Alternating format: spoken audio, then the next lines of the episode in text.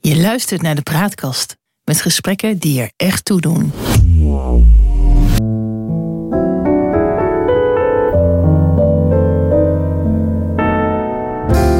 Welkom bij de Praatkast.nl. Dit is een aflevering van het Geheugenpaleis. Mijn naam is Jon Knierim en samen met Han van der Horst maken we deze podcast. De geschiedenis die haalt zich nooit, maar rijmen doet hij vaak wel. En dat gegeven gebruiken we in het Geheugenpaleis om dieper in te gaan op de actualiteit. Zo gaan we aan de waan van de dag voorbij en bereiken we de kern van het nieuws. We scheppen orde in een maalstroom van berichten die het zicht op de grote lijn belemmeren. En zo ontdekken we wat werkelijk belangrijk is. En tussen beide door blijkt dat werkelijkheid vaak genoeg elke fantasie te boven gaat. Ja, en dat zal ook deze uitzending weer blijken, denk ik. In dit geval ben ik de interviewer en is John dat niet. We pakken het net zo aan als na zijn terugkeer uit Brazilië. Het verschil is dat John net een uitgebreide reis heeft gemaakt door de Verenigde Staten. En in Ja. ons voorgesprek zei hij: Ik ben in Las Vegas geweest en daar heb ik het einde van de wereld gezien. Ja. ja, dat is wel inderdaad eh, zoals ik dat eh, ervaren had. Het was mijn tweede keer in eh, Las Vegas. Een aantal jaren geleden ben ik daar geweest. En als je daar bent, dan zie je de extremiteiten eh, samenkomen. Maar het eerste wat er bij ons opkwam is van... hoe gaan we ooit de aarde redden? En dan heb ik het met name over de klimaatcrisis die er op ons afkomt. Want als we het hebben over een verspilling van stroom en energie en allerlei andere zaken, dan, eh, ja, dan spant wat mij betreft eh, Las Vegas wel de kroon eh, in de wereld. Nou ben ik niet overal geweest, maar dit is wel in een zo'n grote extremiteit. Eh, overal licht, flikkeren. Het is daar verschrikkelijk heet in de zomer. Een periode waarbij het overigens altijd wat rustiger is in Las Vegas. En als je op je balkon staat, is het enige wat je hoort het gezoem van de airco's van alle hotels en eh, hotels die in de buurt eh, eh, staan. Maar als je op straat loopt, dan valt je tegelijkertijd ook op hoe ongelooflijk vet en dik de Amerikanen zijn geworden. Dus wat mij betreft is het een bedreigde diersoort geworden, de gemiddelde Amerikaan. Want ze zijn wel werkelijk gemiddeld gesproken zo vet, obese zou ik wel durven zeggen, dat dat niet anders kan dan dat mensen allemaal ernstige ziektes gaan ontwikkelen. Het gaat ten koste van de vruchtbaarheid, dus het kan niet anders dan dat dit volk gaat uitsterven. En ja, eh, ook als je auto's op straat ziet rijden, allemaal die zo verschrikkelijk groot en, en, en zo verspillend. En het is natuurlijk heel makkelijk om eh, vanaf eh, onze comfortabele zetel hier in Holland daar eh, veroordelend over te praten. En we gaan er ook maar even vanuit dat ook de Amerikanen het wel eh, ernst is eh, met het aanpakken van de klimaatcrisis. Eh, maar ja, de, als je daar staat, verlies je alle moed. Jij had ook een auto gehuurd, denk ik. Ja, Wat voor een? dat was een slagschip, dat wil je niet weten. Het was een Nissan Armada. Wel een MP Japanner dus. Eh, wel een Japanner, een, eh, een MPV. Ja, ook met een, met een zo'n hele zware motor erin. Ja, je rijdt er comfortabel in. Maar ja, je voelt je natuurlijk bij elke mijl die je aflegt ook wel weer schuldig. Zo'n ding rijdt 1 op 8, denk ik. Ja, als het niet meer, meer eh, minder is. Ja. Ja. Je vertelde ook dat het leven zeven duur was. Ja, wat eh, je daar 's ochtends eh, hebt als je naar de networks kijkt. Dan heb je het weerbericht. Nou ja, in Las Vegas is het gewoon altijd mooi weer. En dat kan een Fahrenheitje meer of minder zijn. En dat is op een aantal andere plekken in de Verenigde Staten ook het geval. Eh, en daarnaast eh, wordt ook eh, per dag besproken hoe duur de benzine is. En die is nu wel rond de 5 dollar per gallon. Wat overigens, als je dat vergelijkt met Nederlandse prijzen, nog steeds heel, weinig, wein- heel erg weinig is. Maar dat wordt daar toch wel als zeer, zeer extreem gezien. En we waren bij een tankstation en daar hadden ze kleine stickertjes gemaakt. Zo ongeveer 10 centimeter hoog met de afbeelding van Biden. En die dan met zijn vinger wijst, precies naar de prijs. En dan een tekstballonnetje hadden ze erbij gezegd. I did that. Wat natuurlijk complete nonsens is om hem de schuld te geven. Maar dat is wel iets wat de Amerikanen eh bezighoudt. Ehm, maar ja, voor het overige, en, en wat dat betreft kan je zeg maar ook die obesitas pandemie die daar is. Want dat is naar mijn idee de werkelijke pandemie die er gaande is in Amerika. En die zich ook zal uitstrekken tot de rest van de wereld. Maar wat je daar ziet is dat het eten, gezond eten, onbetaalbaar is. Dat wil zeggen, het is gewoon heel erg duur. Dat is in Nederland natuurlijk ook het geval. Ik weet dat er bijvoorbeeld in Vlaardingen uh, scholen zijn waar ze de ouders uitleggen dat het meegeven van een zak chips aan je kind geen lunch is. Maar ik snap het wel, want een zak chips is goedkoop. Het zitten heel veel calorieën in, dus het is heel voedzaam in die zin. Hè, om, om, het geeft een hoop energie. Maar het is ook heel slecht eten. En in Amerika is dat denk ik ook het geval. Dat als jij daar rondkomt van een modaal inkomen, dat het eigenlijk niet mogelijk is om voldoende uh, gezonde boodschappen te kopen. We gingen naar één supermarkt toe waarin we wat, wat kleine uh, uh, gezonde smoothies kochten. Voorverpakt en nog wat fruit. En ja, dan heb je het over, ja, laten we zeggen, vijf items en dan ben je 60, 70 dollar kwijt. Het is gewoon niet normaal. En als je uit eten gaat, een entree, wat in het Frans een voorgerecht is, maar in Amerika een hoofdgerecht, en dat is dan nog eufemistisch uitgedrukt. Die porties zijn ook zo gigantisch groot dat je daar makkelijk met z'n tweeën of met z'n drieën van kan eten. Dat doen overigens ook overal een hoop mensen, maar ook een hoop mensen doen dat niet.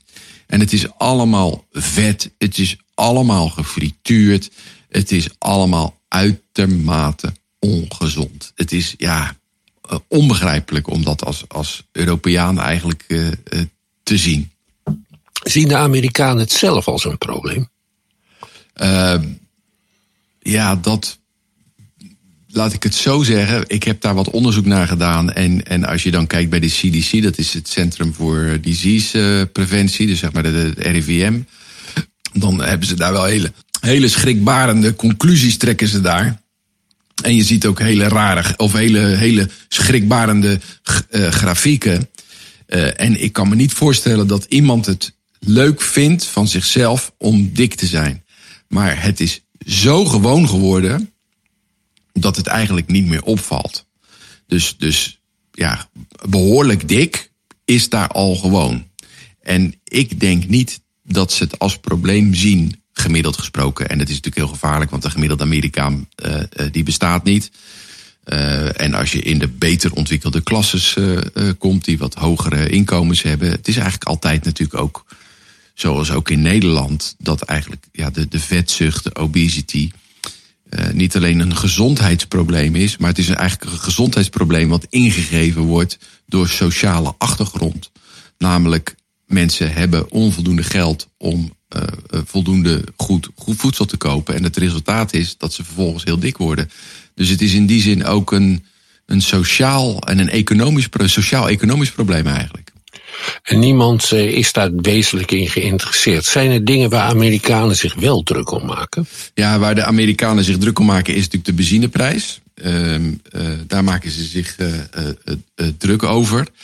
En ze zijn vooral heel erg bezig met, ja, met hun eigen vierkante meter, zal maar zeggen, waar ze in, in leven.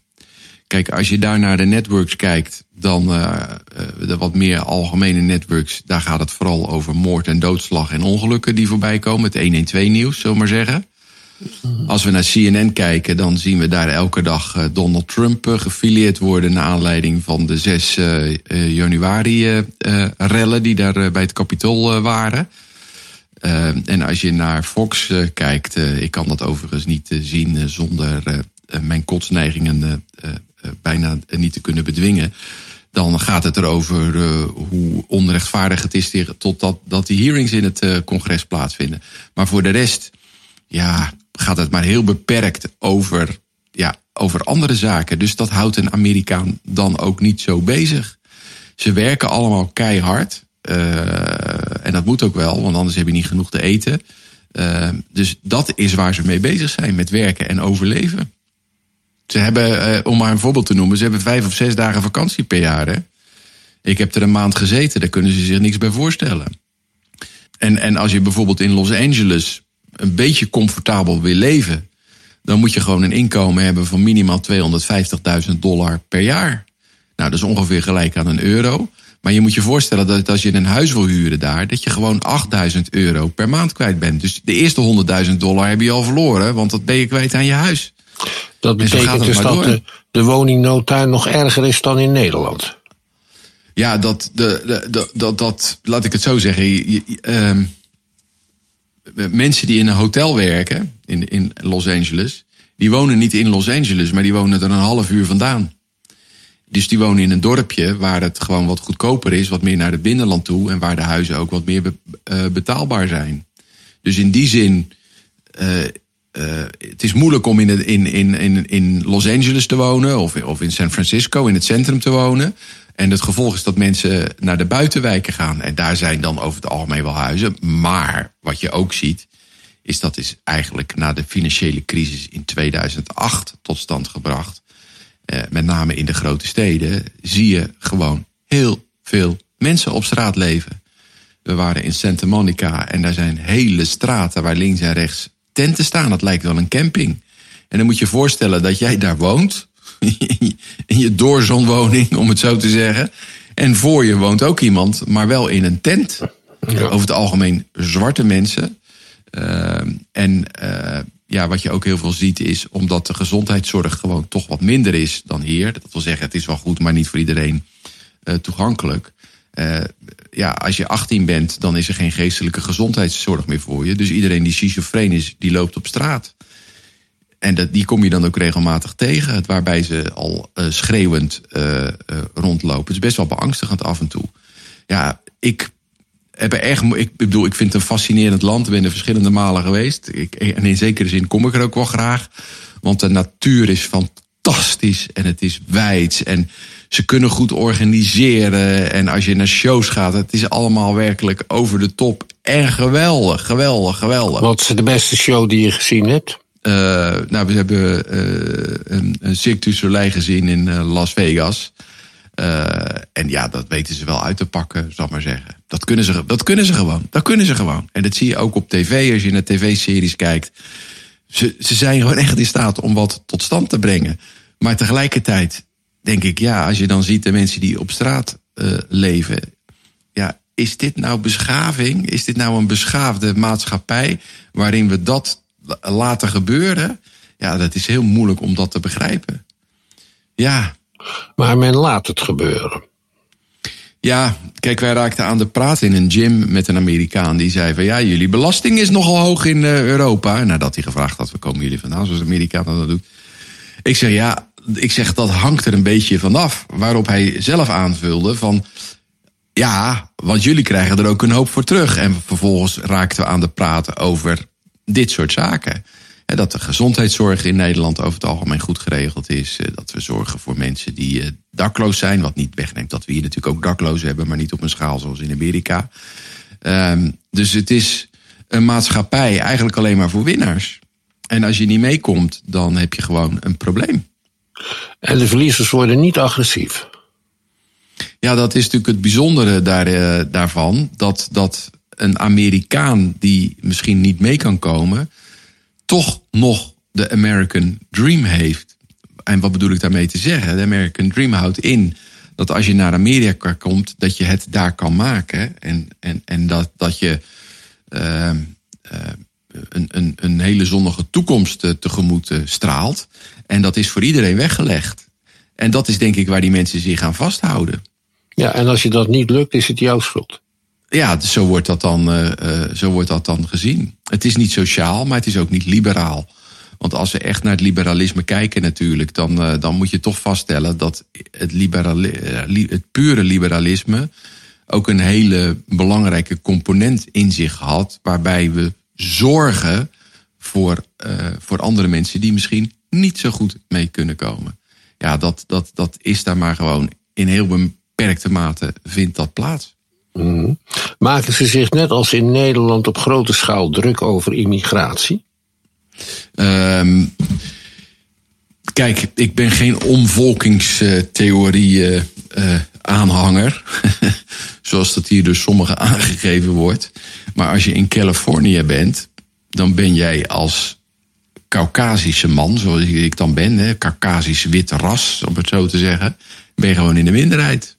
Dus een overwegende cultuur waarin mensen met een ja, meer Latino-achtig uiterlijk uh, uh, het meeste voorkomen. Heel goed. Wonen, er wonen gewoon. Ja, ik vind dat overigens die mensen er over het algemeen beter uitzien dan een blanke. Maar goed, dat is mijn persoonlijke uh, voorkeur. Bovendien, bovendien, de katholieken moeten winnen. Omdat ze allemaal katholiek zijn, bedoel je? Ja, nou, er zijn blijkt die mensen in de praktijk ook vaak zich heel snel tot uh, allerlei pinkstergemeentes uh, ja. te bekeren. Dat gebeurt trouwens in Europa tegenwoordig ook een beetje, maar uh, spreek, kan je met Engels nog, kan ik, wordt, zijn er gebieden waar Spaans de voertaal wordt in plaats nou, ja, Engels? Ik denk dat, dat in Californië, dat, daar, daar spreekt iedereen Engels. Maar eigenlijk spreekt iedereen Spaans. En dat zie je ook in hotels, want wie, wie, wie werken daar, dat zijn Spaanstalige mensen. En sommigen spreken uh, ook gebrekkig, uh, uh, gebrekkig Engels. Dus ja, um, vluchtelingen. We hebben, het is een ander vluchtelingenprobleem dan dat wij hier hebben hè, met, met Afrikanen. Um, um, ja, we zien ook veel mensen uit Honduras en uit allerlei andere landen, uit El Salvador. Ik begrijp werkelijk niet wat die mensen daar gaan zoeken om, om van een hongerloon daar uh, rond te komen. Grotendeels op tip gedreven. Als je niet 20%, 25% tip geeft, ja, dan kijken ze je boos aan. Want ja, dat is waar ze van moeten, uh, moeten leven. En het, het leven is daar duur. Dus uh, uh, ja, hoe, hoe, hoe ga, je, ga je overleven? Waarom? Wa, wa, ik, het is werkelijk. Ja, ik ga er ook naartoe omdat het mij aantrekt om in Amerika te zijn en omdat het fascinerend is. Maar de, de aantrekkelijkheid van het land, om daar te wonen, om daar te leven, om daar te werken, zoals wij dat eigenlijk in het, ja, de eerste helft en in de tweede helft van de, van de 20e eeuw gezien hebben als een voorbeeld voor, voor, voor hoe het zou moeten zijn. Ik denk bijvoorbeeld aan de 50 jaren, de tijd van Happy Days. Ik weet niet of je die tv-serie nog uh, ja. herinnert. En, Waarbij... de, en de villa van Dick van Dijk waar die in woonde. Ja, ja precies. En dat, dat is dan een soort, soort voorbeeld. En iedereen heeft een koelkast. En iedereen krijgt een auto. En de dames lopen in, in, uh, in, in, in leuke mantelpakjes. En iedereen heeft het leuk. Dat en was Donald dus... Duck, die hartstikke arm was volgens al die verhalen. Die had ook een huis met een auto, een ijskast en een ja. telefoon. Dat begreep ik als kind nooit. Nee, ja, precies. Want hij was toch arm? Precies, precies. Maar dat is het, het voorbeeld waarbij we, denk ik, waaraan wij ons nog allemaal vasthouden. He, als, als beeld van Amerika in de vijftige jaren, als hele sterke natie. De bevrijder van de, of de beëindiger van de Tweede Wereldoorlog zonder de Amerikanen had de Tweede Wereldoorlog natuurlijk heel anders verlopen dan, uh, dan, uh, dan, dan, dan uh, met de Amerikanen. De eerste ook. De, trouwens, de eerste ook. Uh, maar ook bijvoorbeeld de auto-industrie, de opkomst van de televisie, de opkomst van de radio, van allerlei elektronica. Dat komt allemaal daar vandaan. En tot op de dag van vandaag is in mijn analyse, maar ik ben benieuwd wat jij ervan vindt, geldt denk ik voor het overgrote gedeelte van de wereld, dat we dat beeld nog voor ons hebben als ideaal van hoe de wereld zou kunnen zijn. En we willen niet zien dat het eigenlijk, zoals ik het dan noem, een onontwikkelingsland is. Dus uh, je hebt ontwikkelingslanden, dat zijn landen die zeg maar vanuit de armoede zich opwerpen en tot een zekere vorm van ontwikkeling komen. Het is een beetje paternalistische gedachte natuurlijk. Maar je hebt ook landen die teruggaan. En dat noem ik dan een onontwikkelingsland. En eigenlijk is Amerika wat dat betreft een onontwikkelingsland. Ik denk dat dat uh, het geval is. Ik weet ook dat Amerika nog steeds voor alle immigranten in de wereld een A-bestemming is. Ja. Nederland is een B-bestemming. Ja. Dus als je niet naar Amerika kan, dan ga je eens naar Europa kijken. En dan ga je ook nog eens een keertje misschien naar Nederland kijken. Dus een B-bestemming. Dat is het trouwens ook voor globaal toerisme. Ja. Dus je hebt uh, volledig gelijk. Amerika heeft nog steeds de reputatie. Het is ook nog steeds het verhaal dat hun, vooral hun amusementsindustrie, wereldwijd uh, vertelt. En tegelijkertijd denk ik dat je in Los Angeles als illegale immigrant toch nog veiliger bent dan in El Salvador bijvoorbeeld of in Honduras want, of in Nicaragua, want daar is de situatie op dit moment wel bijzonder ernstig. Ja, nou, dat moet haast wel, want anders ga je er niet naartoe. Dus die aantrekkelijkheid die blijft. En laat het ook helder zijn dat, dat, uh, dat, dat die mensen ook nodig zijn om de economie draaiende te houden. Hè. Er is niemand die uh, met een dweil in zijn hand een, uh, een, een keuken wil schoonmaken, behalve als je uit El Salvador komt. In die zin profiteert de gemiddelde Amerikaan daar natuurlijk ook van. Mm -hmm. Uh, maar het is geen echte issue zoals bij ons dat er heel. Ja, ik, ik weet wel dat Trump destijds er heel, heel veel werk van maakte. Ja. Denk je dat, die, dat hij of een kloon van hem de volgende presidentsverkiezingen kan winnen? Ja, dat weten we natuurlijk niet. Kijk, ik, we raakten aan de praat met een taxichauffeur en daar ging het precies hierover. En die zei: Nee, dat gaat nooit gebeuren. Dat is onmogelijk. Ik zeg: Nou ja, die, de, de Santos uit uh, Florida, die gaat misschien wel uh, op voor het uh, Republikeinse presidentschap. Want nou, het is nog maar de vraag of Trump terugkomt. en zeker met die hearings, die volgens mij toch wel heel beschadigend zijn, die er nu plaatsvinden voor Trump. Zou het me verbazen als die terugkomt. En ik denk dat de gemiddelde Republikeinse partijlid ook wel blij is als Trump weggaat. Maar die, die Santos is misschien nog wel erger.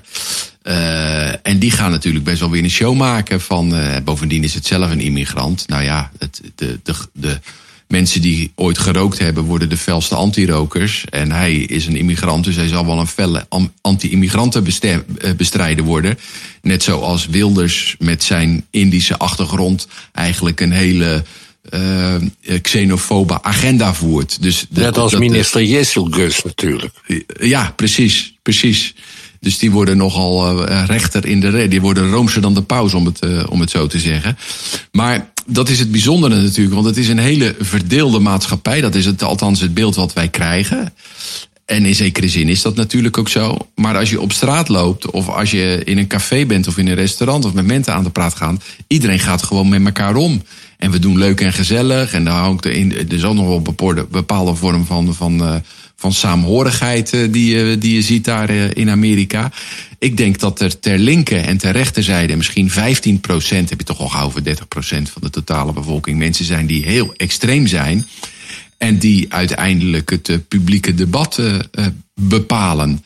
Maar ik denk dat een gemiddelde Amerikaan daar eigenlijk niet zo mee bezig is. Alhoewel die taxichauffeur ons ook wist te vertellen, want we hadden het ook over dat in die republikeinse staten ze natuurlijk het stemmen voor zwarte mensen moeilijker zijn gaan maken. Hij zegt, nou, geloof me, als de volgende verkiezingen zijn, dan gaan, gaat iedereen weer opgeroepen worden. En iedereen gaat naar de stembos, want we gaan het niet nog een keer laten gebeuren. Dat is dan in die zin een hele optimistische man.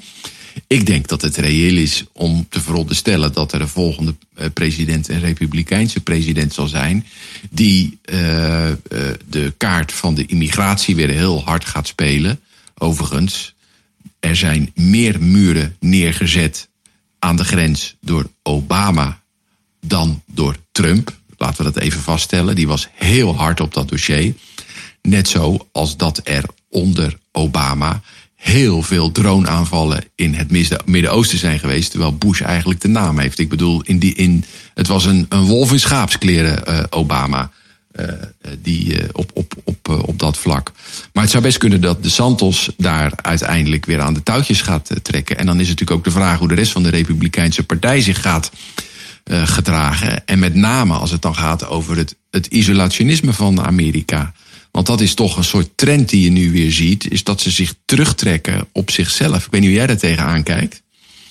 Uh, Biden doet het in ieder geval niet, maar ik denk dat de neiging van de Amerikanen om dat uh, te doen, dat die toch wel groot is. Na de Eerste Wereldoorlog, toen hebben de Verenigde Staten dat ook gedaan. Het was mm -hmm. ook de rechtse republikeinse meerderheid die er bijvoorbeeld voor zorgde dat Amerika geen lid werd van de Volkenbond. Dat is de voorloper van de Verenigde Naties. En dat was zelfs een Amerikaans Zeker. initiatief.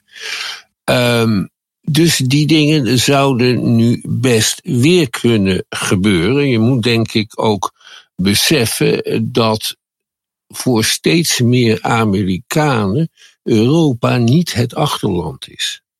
Het is nog wel, ik denk dat ongeveer de helft van de bevolking blank is en de rest niet. En dan nog iets, als je kijkt naar politieke overtuigingen, uh, dan is het helemaal niet zo van dat de blanken zijn rechts en de rest is links. Dat is absoluut Nee, niet nee. het geval. Dat kun je ook zien aan de etnische samenstelling van regeringen en van gerechtshoven. Ja. Nee, want dat zie je bijvoorbeeld ook in, eh, in, in, in Nederland. Dat mensen die een Turkse achtergrond hebben vaak heel fel zijn op immigratie en op nieuwe, nieuwe Nederlanders. Omdat ze bang zijn dat wat zij verworven hebben weer verloren gaat. En dat zie je in Amerika natuurlijk ook. Dus de gedachte dat iemand een, eh, die een Latino-achtergrond heeft, maar per automaat, automatisch democraat is, dat is echt te kort door de bocht, denk ik. eh. En, En- dat, geldt, en- dat geldt dan zeker voor, eh, voor Cubanen. En Zuid-Amerikanen zijn, zoals jij weet, over het algemeen conservatief denkende mensen. Ja, ja, ja. En Amerika, ja, de- eh, daar, daar geldt dat denk ik ook voor. Maar ik, ik, ik bedacht eigenlijk, kijk, in, in 1918 heeft Amerika meegedaan aan de oorlog. En in 1940 werden ze de oorlog ingetrokken doordat er een aanval plaatsvond op Pearl Harbor. Maar Ja, eigenlijk, En toen heeft ja, Hitler Europa gered door na een week, een week na Pearl Harbor, zelf aan Amerika de oorlog te verklaren. En Ja. dat kwam president Roosevelt ook heel goed uit. ja, Want die wilde ook een oorlog in Europa met Amerikaanse deelneming. ja. Maar het, in die zin is het bijzonder natuurlijk dat Amerika de oorlog in Oekraïne zo, eh, zo steunt. Eh, maar je moet er toch niet aan denken wat er gebeurt als die steun gaat wegvallen. Ja. En het is niet ondenkbaar dat dat ergens in de komende maanden toch gaat gebeuren. Kijk, en dat er is Amerika zich. belangrijks gebeurd. Hè. Biden is naar Saoedi-Arabië geweest. En, nou, en daar is hij met de rode loper ontvangen en hij heeft er niets bereikt. Ondertussen is uitgekomen dat de koning of die prins van eh Saoedi-Arabië op grote schaal Russisch eh, gas importeert. Ter Ja. vervanging van het gas dat hij voor heel hoge prijzen eh, aan het Westen en aan de NAVO-leden verkoopt. En Qatar doet op het moment ongeveer hetzelfde met zijn gas, al importeren die nog niet uit, eh, uit Rusland. Eh, dus eh, de prijs die we gaan betalen voor deze oorlog, die wordt steeds hoger. En dat Ja. geldt denk ik niet alleen voor Europa, maar ook voor de Verenigde Staten. Ja. En de vraag is natuurlijk hoe lang eh, de Verenigde Staten, want daar hebben we het nu over, daar eh, aan eh, meegaat. Kijk, als we zeggen wij wonen in Europa, dat is vlakbij Oekraïne, en dan zien ze niet dat dat eigenlijk, ja, het is natuurlijk wel vlakbij, maar het is toch ook wel weer weer ver weg voor ons. Voor, on, voor hun is het sowieso een ver van mijn bedshow, een conflict op een ander continent. En ja, daar wordt dan wel aan bijgedragen, maar ja, ach, dat heeft Amerika eigenlijk altijd wel gedaan. Bovendien vind ik dat Amerika het morele gezag is kwijtgeraakt in de afgelopen 30 jaar. Met onterechte oorlogen in I- Irak, in Afghanistan, in Midden-Amerika eh, en op allerlei andere plekken in de wereld. Die kunnen met, op geen enkele wijze eh, met moreel gezag praten over het gedrag van, eh, van Poetin. Bovendien hebben ze die oorlogen ook allemaal verloren. Ja, dat is ook nog eens een keer zo. Allemaal verloren. Trouwens, dat, dat gold overigens ook voor de Afghanistan-oorlog van, eh, de, van, eh, van Rusland. En waarschijnlijk geldt dat ook voor de oorlog die ze gaan voeren in, eh, in Oekraïne. Nou goed, we gaan een beetje af van, van, van hoe we begonnen. Ja. Ehm, maar we moeten ook een einde maken aan, aan deze opname, Han. Ja, inderdaad. Jij neemt het, eh, het hef weer in handen, Ja. zoals gewoonlijk. En dan eindigen we op eh, traditionele wijze. Welkom terug in, eh, in Nederland. Ja. En als je nog eens een paar dagen vrij hebt, ga dan naar de stad Trieste. Dat is een verborgen parel in Europa. Dat heb ik de afgelopen maand mogen ervaren. En dat ligt in Italië, toch? Eh, Ja, helemaal in het, eh, in het noorden. Dit is een soort eh, uitstulping van Italië. eh vlakbij de grens van Slovenië en Kroatië. ja. Aan de Adriatische Zee. Oké, nou, misschien eh, gaan we daar een andere keer eh, over praten. Tot zover deze aflevering van het Geheugenpleis. We maken het in samenwerking met de Praatkast.nl. En op de Praatkast.nl zijn ook de andere afleveringen te vinden. Je kunt je ook abonneren op onze podcast in je favoriete podcast-app. Dan krijg je automatisch een bericht wanneer een nieuwe aflevering online komt. En wil je ons mailen, stuur een bericht aan info.praatkast.nl. En op de praatkast.nl kan je nog veel meer podcasts vinden. Zoals bijvoorbeeld Nu is Later. Daarin interviewt Victor Chevalier mensen met een verhaal. En gaat hij op zoek naar de vraag of mensen geworden zijn wat ze wilden worden. Helden in hun vakgebied worden ondervraagd en vaak zijn het ook bekende mensen. Nu is Later is te beluisteren op de praatkast.nl. Voor nu bedankt voor het luisteren en tot de volgende keer. Wees gelukkig en helaas, ik moet het blijven zeggen. Blijf gezond.